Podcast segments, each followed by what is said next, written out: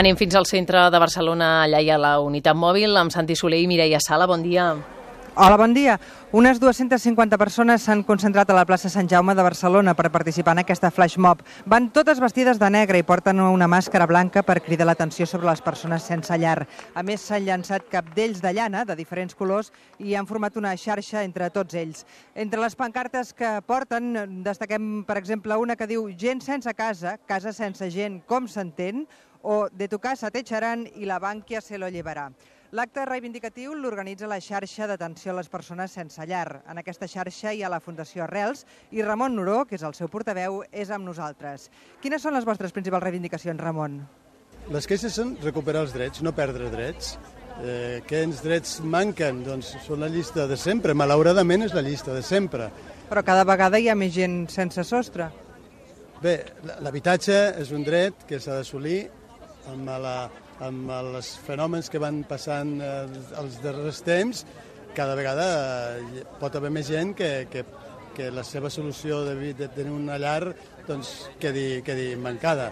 Moltes vegades no és anar al carrer, és anar a casa dels fills, a casa dels pares, a casa dels germans, a casa dels amics, que tampoc és una solució a un habitatge acumulat. No?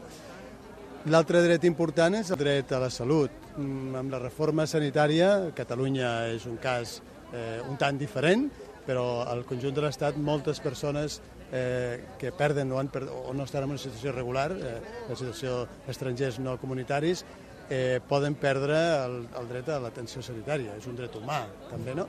De manera que aquest és un dels drets absolutament importants. Òbviament, el treball, eh, tots els altres drets que hi són, la crisi ens porta eh, a, a la carència, no?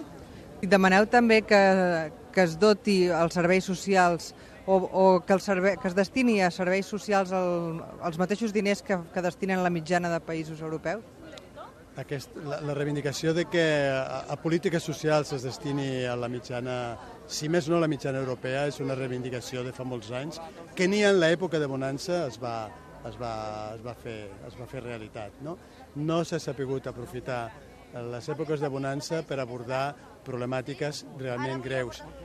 I ara que hi ha problemàtiques greus, semblaria que haguéssim de dedicar més diners a vegades, un dia deia en un mitjà que potser si equiparéssim els, els recursos que van destinar a la gripe A, diguem-ho així, es van dedicar molts recursos i doncs una mica s'hauria d'actuar igualment, no?